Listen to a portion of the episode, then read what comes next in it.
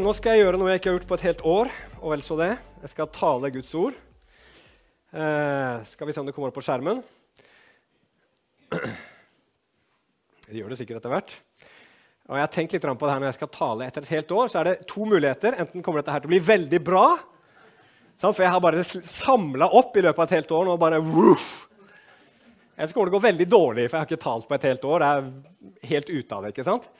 Så, så, det er to muligheter her, men vi håper jo at det skal gå greit. da. Får, dere får be litt for meg. Jeg er pessimist av natur, så jeg har liksom lagt opp mentalt til at dette ikke skal gå så bra, men eh, vi kan jo eh, håpe på et mirakel her også. Ok, Skal vi gå til Guds ord, dere? Eh, I dag så har jeg lyst til å snakke om svaret for verden i dag. Siden jeg er pastor i en kristen menighet, så blir det ikke noen stor overraskelse. Eh, men la oss gå til Bibelen, og så skal vi se hva Guds ord forteller oss. Matteus kapittel 10, vers 32 til 39. Skal vi lese sammen i Jesu navn. Og der står det Hver den som kjennes ved meg, for menneskene, skal også jeg kjennes ved for min far i himmelen. Men den som fornekter meg for menneskene, skal også jeg fornekte for min far i himmelen. Tro ikke at jeg er kommet for å bringe fred på jorden. Jeg er ikke kommet for å bringe fred, men sverd. Jeg er kommet for å sette skille. Sønn står mot far, datter mot mor, svigerdatter mot svigermor. Og en manns husfolk er hans fiender. Den som elsker far eller mor mer enn meg, er meg ikke verdig. Den som elsker sønn eller datter mer enn meg, er meg ikke verdig. Og den som ikke tar sitt kors opp og følger etter meg, er meg ikke verdig. Den som finner sitt liv, skal miste det, men den som mister sitt liv for min skyld, skal finne det. Amen. Dette er Guds ord. La oss be før vi begynner. Herre, nå trenger vi deg, Gud. Herre, vi vet at eh, du har sendt ordet, men du har også sendt ånden. Og Herre, ditt ord, det blir bare bokstav hvis ikke din ånd blåser liv inn i det, Herre. Inn i våre hjerter og gjør det levende for oss.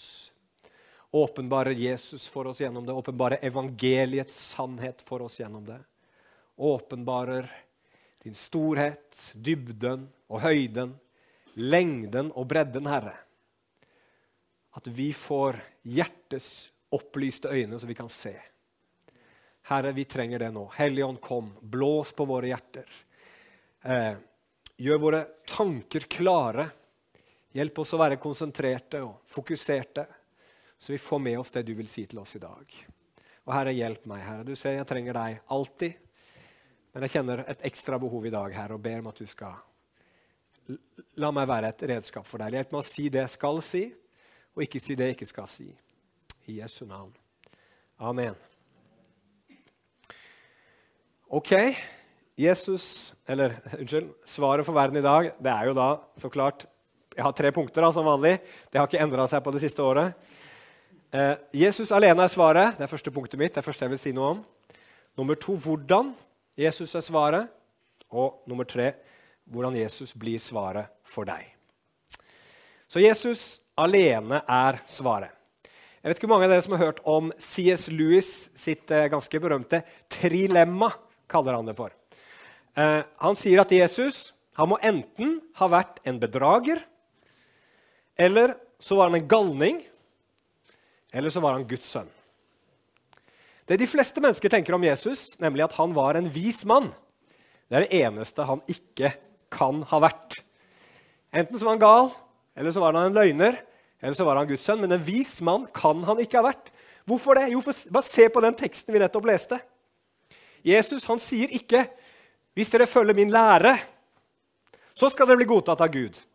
Eller 'Hvis dere følger denne veien her, så kommer dere til himmelen.' Nei, Jesus sier hvis dere kjennes ved meg foran menneskene, så skal jeg kjennes ved dere for min far i himmelen. Han sier, hvis dere fornekter meg foran menneskene, så skal jeg fornekte dere for min far i himmelen. Med andre ord så er det Jesus som person, den han er, hva du gjør med han, som avgjør din, din evighet. Jesus sier heller ikke at du må sette min lære over alle andre lærer. Nei, han sier at den som elsker foreldre, barn, eller sitt eget liv mer enn han, er han ikke verdig. Med andre ord så er enten Jesus øverst på prioriteringslista di, eller så er han ingenting for deg. Og Hvis du ikke har Jesus øverst på prioriteringslista di, sier han, så avgjør det din negative skjebne i Nei, din evige skjebne unnskyld, i negativ forstand. Du mister ditt liv. Men, sier han, den som mister sitt liv for min skyld, for Jesus sin skyld, han skal finne det. Den som setter Jesus først, skal bli frelst. Og da tror jeg du skjønner at En vis mann prater ikke sånn. Vise mennene kommer med læresetninger. Vise mennene kommer med, med, med, med, læresystemer, med veier. Men Jesus han setter seg sjøl i sentrum for hele universet. Han setter seg i sentrum for hvert eneste menneskes liv. Og hvis et menneske gjør det, så er enten vedkommende en stormannsgal narsissist, eller så er personen en løgner, prøver å lure deg, eller så er det virkelig Guds sønn vi snakker om. Og Jesus han er ikke en løgner, han er ikke en galning. Han er Guds sønn, og han sier det han sier. Jesus sier det han sier, fordi han er svaret for verden i dag.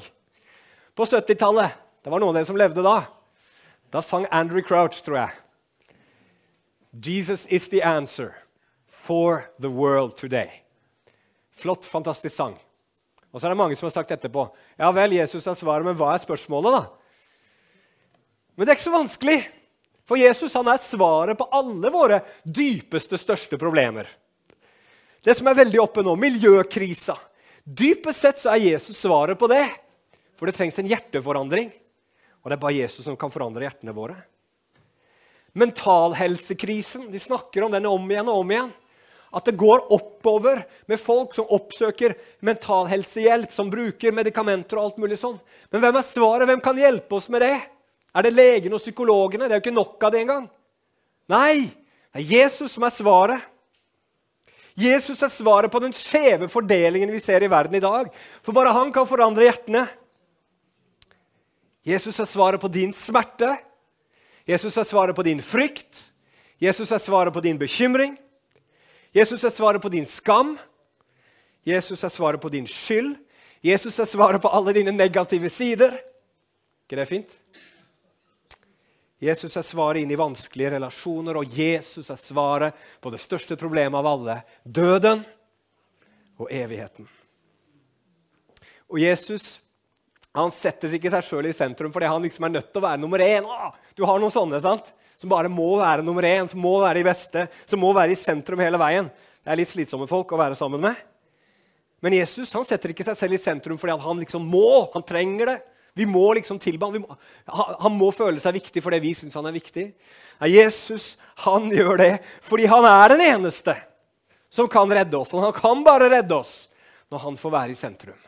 Og De første kristne de sa det. Det finnes bare ett navn under himmelen som vi kan bli frelst med. Jesu navn. Det finner du i Apostlenes gjerninger 4.12.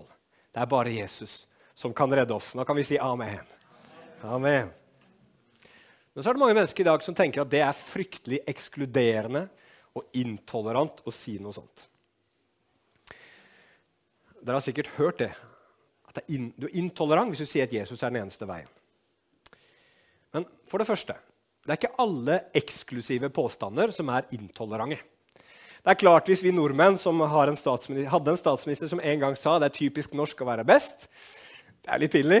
Men hvis vi nordmenn hadde, vi nordmenn hadde sagt ja, det er vi nordmenn som er løsningen på verdens problem i dag. Vi, vi, det er vi er de eneste som kan fikse det. Så er jo det det er intolerant og det er, det er eksklusivt. For det fins mange andre folk som kan gjøre det òg. Indere kan løse verdens problemer, kongolesere kan gjøre det, sørafrikanere, brasilianere, amerikanere Hvem det skulle være. Men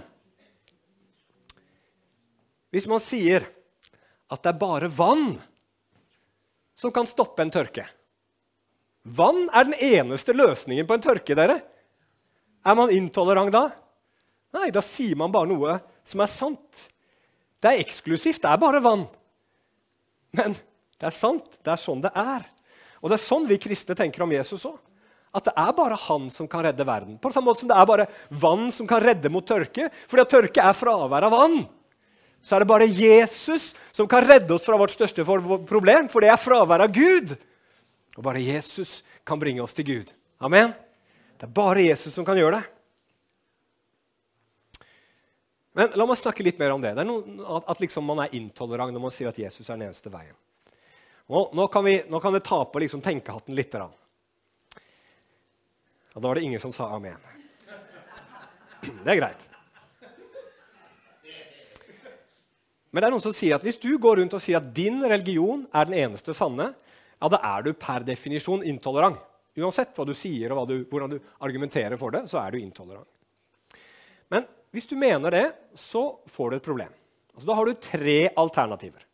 Enten så må du si at alle religioner er like sanne. Men det er litt vanskelig. For uh, alle religioner sier veldig veldig forskjellige ting, og de sier veldig mange motstridende ting. Det fins faktisk en eh, buddhistisk gruppering som ikke tror det fins noe Gud. Hvordan kan det stemme med at de fleste andre religioner tror det fins en Gud? Altså, Enten så har noen rett og noen feil, men begge har ikke rett. Så Enten så må du liksom bare kappe av hodet ditt og ikke tenke i det hele tatt. Det er ett alternativ. Jeg tror ikke det er så veldig bra alternativ. Eller så, nummer to, så må du si at alle religioner er like falske. Ingen har rett. Alle religioner er bare tull og tøys. Det er pølsevev alt sammen. Alle tar feil. Men vet du hva du gjør da? Da sier du 'Jeg har rett! Jeg har skjønt det!' Alle de religiøse tar feil, men jeg har rett. Hva gjør du da? Da er du like eksklusiv som en kristen som sier at de har rett. Du sier du vet sannheten. At alle religioner er feil. Så da blir du like eksklusiv og intolerant. Du som en eller annen kristen eller hvilken annen religion det skulle være som påstår at de har sannheten. Men så er det den siste. da. Den er veldig populær i dag. Og det er å si jo, jo. Det jeg tror, er at alle religioner åpenbarer en del av sannheten. Jeg har kanskje hørt en sånn historie om at det, det var blinde, fire blinde menn som så på en elefant. Og Så følte de liksom på elefanten. Og Så sa den ene ja, en elefant. Han tok på snabelen. En elefant er lang og myk og krøllete. Og så var det en annen, Han tok på et av beina til elefanten. Nei, en elefant er hard og, og, og stor og, og, høy. Og så var det en som tok på siden av elefanten. Nei, elefanten er flat og, lang. Og så en som tok på halen. Nei, nei, liksom, nei en elefant er, er, er, er tynn og, og, slapp, eller et eller annet sånt. Men egentlig så var det en elefant der, ikke sant? og alle så bare sin del. Vet ikke om jeg har hørt den illustrasjonen. Den er ganske populær. Men den personen som forteller det, vet du hva den personen påstår? At han ser hele elefanten. Han har skjønt det. Han vet hva som er sannheten. Det er sånn det henger sammen. skjønner du. Og da blir du like eksklusiv igjen. Sier, ja, du ser bare en liten del, du ser bare en liten del, men jeg ser hele bildet. Og så blir vi intolerante. Enten da så må du skru av hodet ditt og liksom ikke, ikke tenke, for alle religioner sier sannheten. Øh, det henger ikke sammen, men jeg tenker ikke engang. Eller så blir du nødt til å bli intolerant du òg og påstå at det fins noe som er sant for alle sammen. Og det er det vi kristne gjør.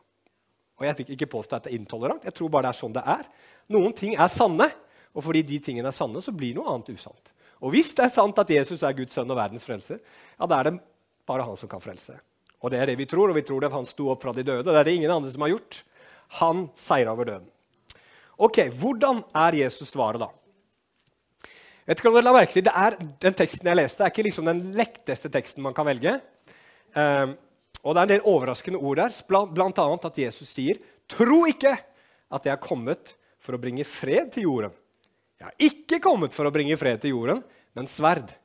ikke det litt sånn Oi sann!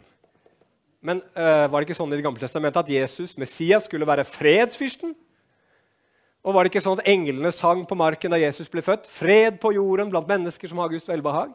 Og sa ikke Jesus sjøl, f.eks. i Johannes 14, 14,7.: Fred etterlater jeg dere, min fred gir jeg dere. Og så sier han jeg er ikke kommet for å gi fred. Hva er det han mener for noe? Og Jesus sier ikke at han ikke har kommet for å gi mennesker fred. Men han, kommer, han, han, han sier at der hvor han kommer, så kommer det ikke alltid til å bli fredelig. Det blir konflikt. Hvorfor det? Jo, for Jesus har kommet for å konfrontere det som er problemet i denne verden. Og du vet at når det blir konfrontasjon, hva skjer da? Jo, da blir det ikke fred, men da blir det en eller annen form for konflikt, krig av noe slag. Jesus han kom for å ta bort det som hindrer vår fred, nemlig synden, og det gjør han ved å konfrontere. Og hvordan gjør han det? Jeg har lyst til å bare peke på tre ting. For det første så kom Jesus for å konfrontere synden gjennom sannhet, gjennom rettferdighet og gjennom forvandlende, livsforvandlende kjærlighet. La oss si litt om sannhet først. I dag så er sannhet ganske aktuelt. er det ikke det? Fake news. Hvem hadde hørt om det for ti år siden? Konspirasjonsteorier det er jo noe vi snakker om stadig vekk. Og folk som sier Nei, men det er min sannhet. Akkurat som sannhet kan være noe vi sjøl kan bestemme. Og så blir vi mindre og mindre sikre på hvem vi kan stole på. Men vet du hva, det er ikke noe nytt. Du kan ikke stole 100% på noen. Bibelen sier det klart og tydelig. Gud er sannferdig, men ethvert menneske er en løgner. Noen mennesker er frekkere og bedre løgnere enn andre. Du har kanskje truffet på en sånn en som kan lyve deg midt opp i fjeset. De fleste er heldigvis ikke sånn. Men alle mennesker, når vi blir pressa nok, eller når det passer oss utrolig godt, så pynter vi mer eller mindre på sannheten, sånn at ting skal bli greit for oss sjøl. Er det noen her inne som kan innrømme at de har gjort det en gang? en eller annen tid? Jeg kjenner noen kanskje som har gjort det? Ja, det var ikke så mange ærlige sjeler her, ser jeg. Huff a meg. Men det er ikke bare sånn at vi lyver, men vi, vi vet ikke alt. Ingen her inne er allvitende. Vi tar, vi tar ærlig og oppriktig feil stadig vekk. Selv ekspertene de tar feil hele tiden. Det har vi sikkert, hørt, har vi sikkert skjønt under koronakrisen. At de bytter, de, de, de, Én ting er sant et øyeblikk, og så er det noe sant etterpå. Men det er for at eksperter er ikke allvitende. De vet ikke. De tar feil. Når Jesus, han som er sannheten og alltid taler sånn, tenk på det Jesus, Det kommer ikke et løgnaktig eller feilaktig ord ut av munnen hans en eneste gang. Når han kommer inn i en verden som er bygd på løgn, så mye av maktstrukturene rundt om i verden er bygd på løgn, da blir det konfrontasjon. Det var derfor de religiøse lederne ikke likte Jesus. For det han sa, det liksom underminerte hele grunnlaget for deres makt. Og Det skjer i dag òg når Jesus kommer og forteller sannheten. Når du kommer og forkynner evangeliet, så utfordrer det maktstrukturer i verden. Men ikke nok med det. Alle sammen her vet at sannheten kan være ubehagelig. Åh, Når vi plutselig får høre får et sannhetens ord. Det er ikke alltid så godt. Og så er det også sånn at vi liker ikke å ta feil. Ikke jeg, i hvert fall. Jeg kjenner noen heller som ikke liker det så godt. Vi føler liksom at det går på verdien løs. Og derfor er det sånn at Når sannheten kommer inn i verden, så blir det konflikt. Men vet dere hva? Sannheten må høres. Mennesket må høre sannheten, for Bibelen sier det er bare sannheten som kan sette oss fri. Mennesker må vite at de ble skapt i fellesskap med Gud. Og at uansett hva de søker i, så kommer de aldri til å finne fred før de får fellesskap med den levende, sanne Gud. Mennesker må vite at problemet deres er ikke naboen eller, eller, eller, eller, det eller det eller det eller det i livene deres. Men problemet er synd. Og mennesker må få høre at Jesus er sannheten, veien og livet. Det er han som er den eneste som kan hjelpe oss og, og føre oss tilbake til Gud og redde oss fra oss sjøl. Så sannheten må komme inn, men når sannheten kommer inn, så blir det konflikt. Jesus kommer også for å gi rettferdighet. og Det også er noe som er utrolig aktuelt. Vet ikke om dere har lagt merke til hvor mange debatter, hvor mye av det som er litt sånn hete diskusjonstemaer i samfunnet vårt, som handler om rettferdighet. Rettferdighet for grupper som har blitt undertrykt, grupper som har blitt behandla dårlig, grupper som på forskjellige måter har blitt støtt ut fra samfunnet, ikke fått eh, den plassen de fortjener i fellesskapet. Og vi lengter etter rettferdighet. Og jeg kan tenke meg at det er mange her inne, spesielt nå etter den krigen i Ukraina som brøt løs, som når de hørte det som skjedde, og så at Putin faktisk gikk inn i Ukraina Vi trodde sikkert mange av oss ikke at det kom til å skje, men så gjorde han det. Så sitter du igjen med en sånn øh! Du vil at det skal bli rettferdighet. Når du ser alle disse menneskene som lider også. Noen må skru av mobiltelefonen sin, Magnus. Se hvor la jeg den. Jeg har ikke helt uh, rutinen ennå. skjønner du. At jeg må skru av mobilen før møtet og sånn. Der, ja. Da fikk vi en av. Det var svigerfar som ringte. Jeg burde vite bedre.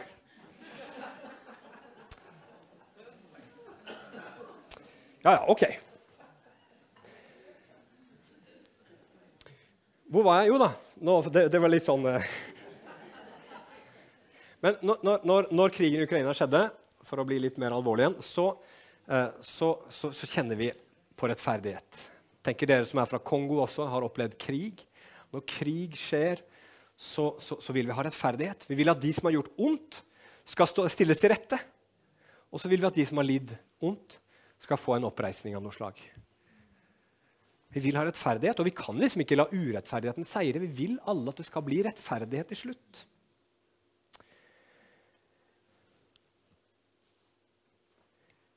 Når vi gjør urett mot hverandre, så gjør vi ikke bare urett mot hverandre, men vi gjør urett også mot Gud. Det er som når Hvis noen skader noen du er glad i, så skader det også deg. Det gjør vondt for deg, det skaper smerte i ditt liv òg. Og alle mennesker, alt dette her er Guds. Og når vi gjør ondt mot andre mennesker, så berører det Gud også. Så den som mest skulle si, krever rettferdighet, er Gud. For han er liksom den som blitt ramma av all ondskap på jorda. han. Indirekte eller direkte.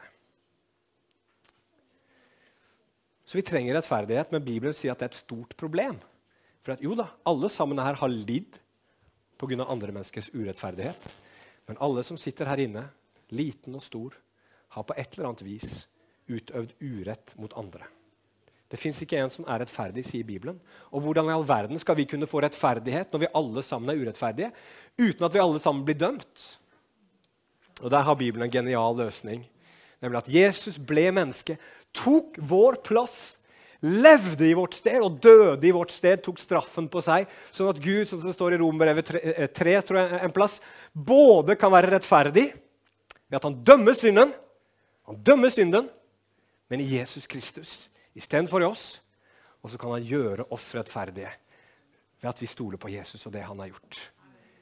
Da bringer Gud rettferdighet, for synden har blitt betalt for. Men vi får ikke dommen, for Jesus tok den. Men det er jo et budskap som skaper konflikt, for det, treffer rett i vår egen rettferdighet. Hvis, hvis, vi hvis, vi går rundt og sier til alle mennesker du får tilgivelse uansett hva du har gjort pga. det Jesus har gjort, så sier du at det er for enkelt. Og han der han fortjener ikke tilgivelse etter hva han har gjort mot meg. Ikke sant? Eller så er det noen som sier ja, men det er ikke så galt, det er ikke så ille at Jesus måtte dø. Vi er ikke så, er ikke så, er ikke så illestilt med meg. Og Det er mange av de konfliktene som går rundt dette her med at Jesus døde på korset for våre syndere, og det er det som er det eneste som kan redde oss. Det blir konflikt av evangeliet. Bare prøv å fortelle det til mennesker og se hvordan de reagerer. At sånn fungerer det. Sannheten er at vi er så ille at det er bare Jesus som kan frelse oss fra en evig adskillelse fra Gud. Det siste som Jesus bringer, det er kjærlighetens kraft. Rettferdighet og, og, og tilgivelse det er fantastiske gaver. dere. Tenk at du har blitt tilgitt all din synd fordi Jesus betalte for deg. Det er verdt et bitte lite halleluja der. Du kan si det inni deg. du trenger ikke å si det høyt. Men vi vet at vi trenger noe mer enn det òg. Og den verden her trenger noe mer enn tilgivelse. Den trenger definitivt tilgivelse, men den trenger forvandling. Vi trenger, du trenger, jeg trenger å bli forvandla fra vår selvsentrerte egenkjærlighet. Problemet i verden bunner i at vi alle sammen lever med oss sjøl i sentrum og elsker oss sjøl mer. Og våre egne behov setter vi alltid foran. Vår egen smerte er alltid viktigere. Vi er sentrum for våre liv. Og Derfor er verden som den er. Det er roten til alt ondt. Men der er altså Jesus løsningen, og han gjør det på to plan. Han, det, han, han forvandler oss gjennom kjærlighetens kraft, både objektivt og subjektivt. Hva mener jeg med det? Jo, for det første, I Romerne 5, 8 så står det men Gud viser sin kjærlighet ved at Kristus døde for oss mens vi ennå var syndere. Noe objektivt, hva er det? Jo, det er noe som er sant uansett. Det er sant uansett hva mennesket mener, det er sant uansett hvordan du føler. Og det er sant uansett hvilken vinkel du ser det fra, så er det sant. Og det er sant at Jesus elsker ethvert menneske. Objektivt. For når du ser på korset, når du ser at Jesus henger der, så gjorde han det fordi han elska oss. Fordi vår Far i himmelen elska oss og ville tilgi oss for våre synder. Det er sant uansett hva du tenker og mener om. Det er sant om du ikke tar det imot. Det er sant, for det er en handling som beviser det. Men det er enda sterkere for at Jesus gjorde det, står det da vi ennå var syndere. Det vil si at han visste nøyaktig hvem han døde for. Det er ingen som vet helt hvem du og jeg er. Selv ikke de nærmeste vet alt om oss. Og hadde de visst alt om oss, så hadde, kanskje, hadde de kanskje blitt litt skuffa. For å si det sånn. Men Gud han vet absolutt alt om deg. Absolutt alt vet han om deg. Han vet de dypeste mørke, det dummeste du har gjort noen gang, det du skammer deg mest over. Og da han så på det verste du hadde gjort, så sa han, 'Jeg elsker deg.' Og så sendte han sin sønn for å dø for deg. Det, og det, om du føler noen ting eller ikke når jeg sier det, så er det allikevel sant. Men Gud viser ikke bare kjærligheten sin på en sånn objektiv måte som liksom står fast så alle kan se det, selv om det er veldig bra. Men han gjør det også helt personlig. Subjektivt. Og I samme kapittel i Rombrevet, fortsatt Romerne 5, og vers 5, så står det at Guds kjærlighet er blitt utøst i våre hjerter ved Den hellige ånd som ble gitt oss. Da Jesus døde på korset, så var det ikke bare for å gi deg tilgivelse, men det var for å gjøre deg så ren at han kunne komme og bo inni deg ved sin hellige ånd. Og Det at Den hellige ånd bor i deg, det kaller Gud at Guds kjærlighet blir utøst i hjertet ditt. Jeg har brukt den illustrasjonen før, men det er et over år siden jeg har brukt den minst. helt sikkert, så jeg kan vel bruke den igjen, eller si det igjen. Altså, Hvem hadde orka å leve med deg, helt tett på deg, liksom, bare festa til deg i all evighet? Hvem hadde orka det? Altså, Da skal det jo ganske mye kjærlighet til, altså. Jeg, vet ikke om, jeg er nokså sikker på at Rebekka hadde slitt altså, med meg. Men tenk Gud. Han vil det, han. Han vil være, bo i deg til evig tid. Og Det er et uttrykk for hans kjærlighet. Og den kjærligheten blir dermed personlig. Den er for deg.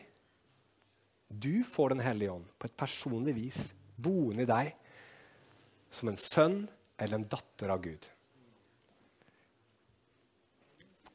Og det ønsker Gud at du skal vite, erfare, ha en visshet om.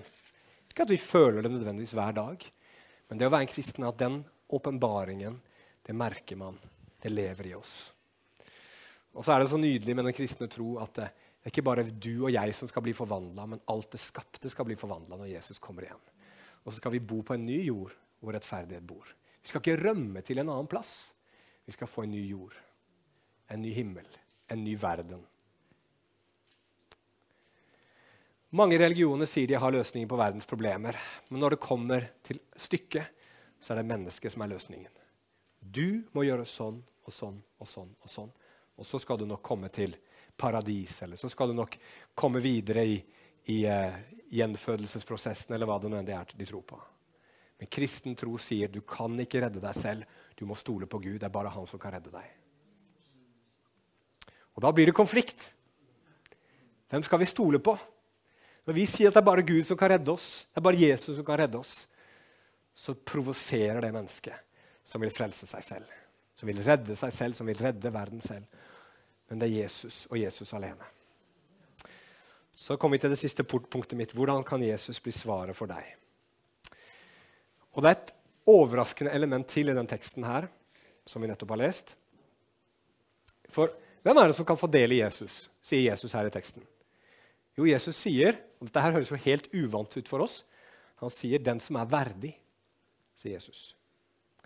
Bare den som elsker Jesus over foreldre eller barn og er villig til å bære sitt kors for Jesus, er verdig for han. Hva mener Jesus med det å være verdig for han? I samme kapittel, litt før, vers 11 og 13, så snakker Jesus til disiplene som han sender ut. Og så sier han når dere kommer til landsby, så skal dere ta inn i det huset som er verdig til å ta imot dere. Hvilken hus var det som var verdig til å ta imot dere? Var det der hvor det var reint, og maten var god, og stemningen var liksom eh, hyggelig, og, og, og var stort hus? og var det sånn? Nei, det huset som var verdig, eller det hjemmet som var verdig, var de som tok imot disiplene som Jesu utsendinger. Og vet du hvordan du blir verdig Jesus? Det handler ikke om deg, men det handler om hvem Jesus er. Det handler om hvordan du tar han imot. Ikke hva du har fått til, eller hva du er god på, men hvem er Jesus? Tar du imot Jesus som den han er? Tar du imot Jesus som den han er? Jeg vet ikke om noen av dere har hørt om Dietrich Bonhoeffer. Min tyske uttale var ikke så god, men uh, han er kjent fordi han skrev en bok. Uh, eller han er ikke kjent først og fremst pga. bøkene sine, men han er kjent fordi han var pastor i Tyskland under nazismen og var med i motstandsbevegelsen. Endte opp i konsentrasjonsleir, og tragisk nok så ble han henretta bare måneder før Tyskland kapitulerte. Men han betalte den høyeste prisen for sin tro på Jesus Kristus. Han var, motstand, var i motstandsbevegelsen eh, og var en del av undergrunnskirken i Tyskland og betalte en høy pris for det. Og Han skrev flere bøker, og en av bøkene han skrev, heter 'Kostbart disippelskap'. Og Der snakker han om noe som han kaller for billig nåde. Han sier, Da skal jeg sitere han her. Billig nåde er forkynnelse av tilgivelse uten å kreve omvendelse. Dåp uten kirketukt. Nattverd uten synsbekjennelse. Tilgivelse uten personlig skriftemål. Billig nåde er nåde uten disippelskap. Nåde uten korset. Nåde uten Jesus Kristus, levende og inkarnert. Og så snakker han om noe annet. Kostbar nåde. Hva er det? Kostbar nåde er skatten gjemt i åkeren. For den skyld vil en mann gå bort og selge alt han har. Det er den kostbare perlen som kjøpmannen vil selge alle sine varer for. Det er Kristi kongelige herredømme, for hvis skyld en mann vil rive ut øyet som får ham til å snuble. Det er Jesu Kristi kall som gjør at disippelen forlater garnene sine og følger ham. Så sier han en slik nåde er kostbar fordi den kaller oss til å følge. Og den er nåde fordi den kaller oss til å følge Jesus Kristus. Den er kostbar fordi den koster en mann livet. Og den er nåde, for den gir en mann det eneste sanne livet. Den er kostbar fordi den fordømmer synd, og nåde fordi den rettferdiggjør synderen. Framfor alt er det kostbart fordi det kostet Gud livet av hans sønn. Dere ble kjøpt for en pris, står det i Bibelen. Og det som har kostet Gud mye, kan ikke være billig for oss. Framfor alt er det nåde fordi Gud ikke regnet sin sønn for en, dyr, en, en for dyr pris å betale for vårt liv, men overga han for oss. Forstår du hva Dietrich Bonhoeffer sier her? Han sier ikke at Jesu verk på korset ikke er nok. Det er ikke det han sier. Han sier, legge, han sier, heller ikke at vi må legge noe til. Det er ikke det han sier heller. Han sier heller ikke at frelsen ikke er en gave, for det er det. Men han sier at hvis du tar imot Jesus som om syndeproblemet ikke var så stort, som om den prisen han betalte, ikke var så høy, som om det egentlig ikke sto så veldig mye på, på spill i det Jesus gjorde for deg, så tar du ikke imot Jesus i det hele tatt. Men hvis du derimot ser Guds historie, sånn som Bibelen forteller oss den, og sier, forteller deg hvor mye du trenger Gud Du må ha Gud! Ellers så går du fortapt. Du kan ikke leve uten Gud. Så alvorlig er det. Hvor fortapt du er uten Gud, og hvor langt Gud gikk da han sendte Jesus for å redde deg. Når du ser Guds historie, når du ser hvem Gud er, hvor du ser hvor mye som sto på spill, og hva Gud var villig til å gjøre for deg, så går det ikke an å komme til Jesus uten å si, 'Jesus, jeg gir deg alt'. Hva kan jeg gjøre, Jesus, for å takke deg? Din vilje, Jesus, ikke min. Sånn som Jesus sa da han sto der ved korset. Det blir vår bønn også. Når vi ser at vi står i en bunnløs takknemlighetsgjeld. Fordi frelsen er så stor. Du er helt trygg, min venn. Du er helt trygg hvis du stoler på Jesus. Du kan ikke bli tryggere. Du kunne putta deg selv i en bunker 50 meter under bakken med 8 meter tjukke betongvegger og ha mat for eh, en evighet. Men det er ingenting sammenlignet med hvor trygg du er akkurat nå. Du som stoler på Jesus Kristus. Og du står i en bunnløs takknemlighetsgjeld, for det kosta så mye. Som betyr at du er så høyt elska at du ikke kan fatte det. Og da forstår du at det fins ingen som vet bedre enn Jesus. Det fins ingen som vil deg noe bedre enn det Jesus vil. Og da kaller du Jesus for hva? Ikke bare frelser, men Herre. Jesus er Herre. Det står det i Bibelen at den som bekjenner Jesus er Herre, blir frelst. Det er ikke sånn at liksom, det er de ordene som er en sånn hemmelig formel for å frelse oss. Men det er for at den som ser hva Jesus har gjort, kan ikke komme på noen annen måte enn å gjøre han til frelser og herre. Amen. Og Det har vært litt debatt si det, ja, nå går jeg litt over tida, jeg hadde tenkt, men det har vært litt debatt om å være all in for Jesus. For mange har fått med seg den i forbindelse med The Send. Ja. Vet dere hva? Ikke bare er det beste du kan gjøre, å gå all in for, for, for Jesus, som det blir på engelsk. da. Altså, ikke, ikke, gå 100 inn for en menneske eller en organisasjon. Det er ikke noe smart. For mennesker og organisasjoner svikter alltid. Men Jesus svikter aldri. Ikke bare er det sånn at det er helt trygt å stole på Jesus 100 og gi livet sitt 100 til han, men det er det det er å være en kristen. Jesus kan ikke være liksom sånn der, en, en grei ting å ha i livet sitt. Jesus er enten herre, eller så er han ingenting for deg. Så Jesus han er svaret i deg. Han er svaret for verden i dag. Ikke hvis han blir brukt som et verktøy for at jeg skal bli lykkelig, hvis han blir en skatt for deg. Så, så, så, så er, for Alle som tar imot Jesus som en skatt, de får oppleve kraften, befrielsen, friheten, forvandlingen som fins i evangeliet. Og det er svaret for verden i dag. Og da tåler du. Da tåler du lidelse for Jesus skyld. Da tåler du når mennesker ikke liker deg pga. Jesus. Da tåler du lidelser og problemer. Og da er du villig til å gå der hvor han sender deg, og gjøre det han ber deg om. Selv om livet ditt ikke ble sånn som du drømte om. Jesus, hvis du vil ha meg der, hvis det ikke var det jeg drømte om, men hvis du vil ha meg der, ja, så går jeg Jesus. Hvis jeg ikke, liksom ikke jeg skal bli rik og berømt og eh, ikke bli YouTube-kjendis eller hva det er folk drømmer om i dag De aller fleste blir jo ikke det. Men aller fleste liksom drømmer så stort i dag. Og Derfor blir de aller fleste veldig skuffa òg. Men vet du hva? Jesus han har en god plan for deg, som kan virke veldig ordinær og veldig vanlig for veldig mange av oss. Men det er der Gud vil ha deg, det er der Gud vil bruke deg. Det er der Guds plan er for ditt liv. Jesus virker i deg der hvor du er. Halleluja. Er det din Jesus? En Jesus som er sånn at du er villig til å elske han mer enn far og mor, barna dine, og ta opp ditt kors og følge han? Er din Jesus så verdifull? Det er utfordringen for oss alle sammen i dag. Amen. Amen.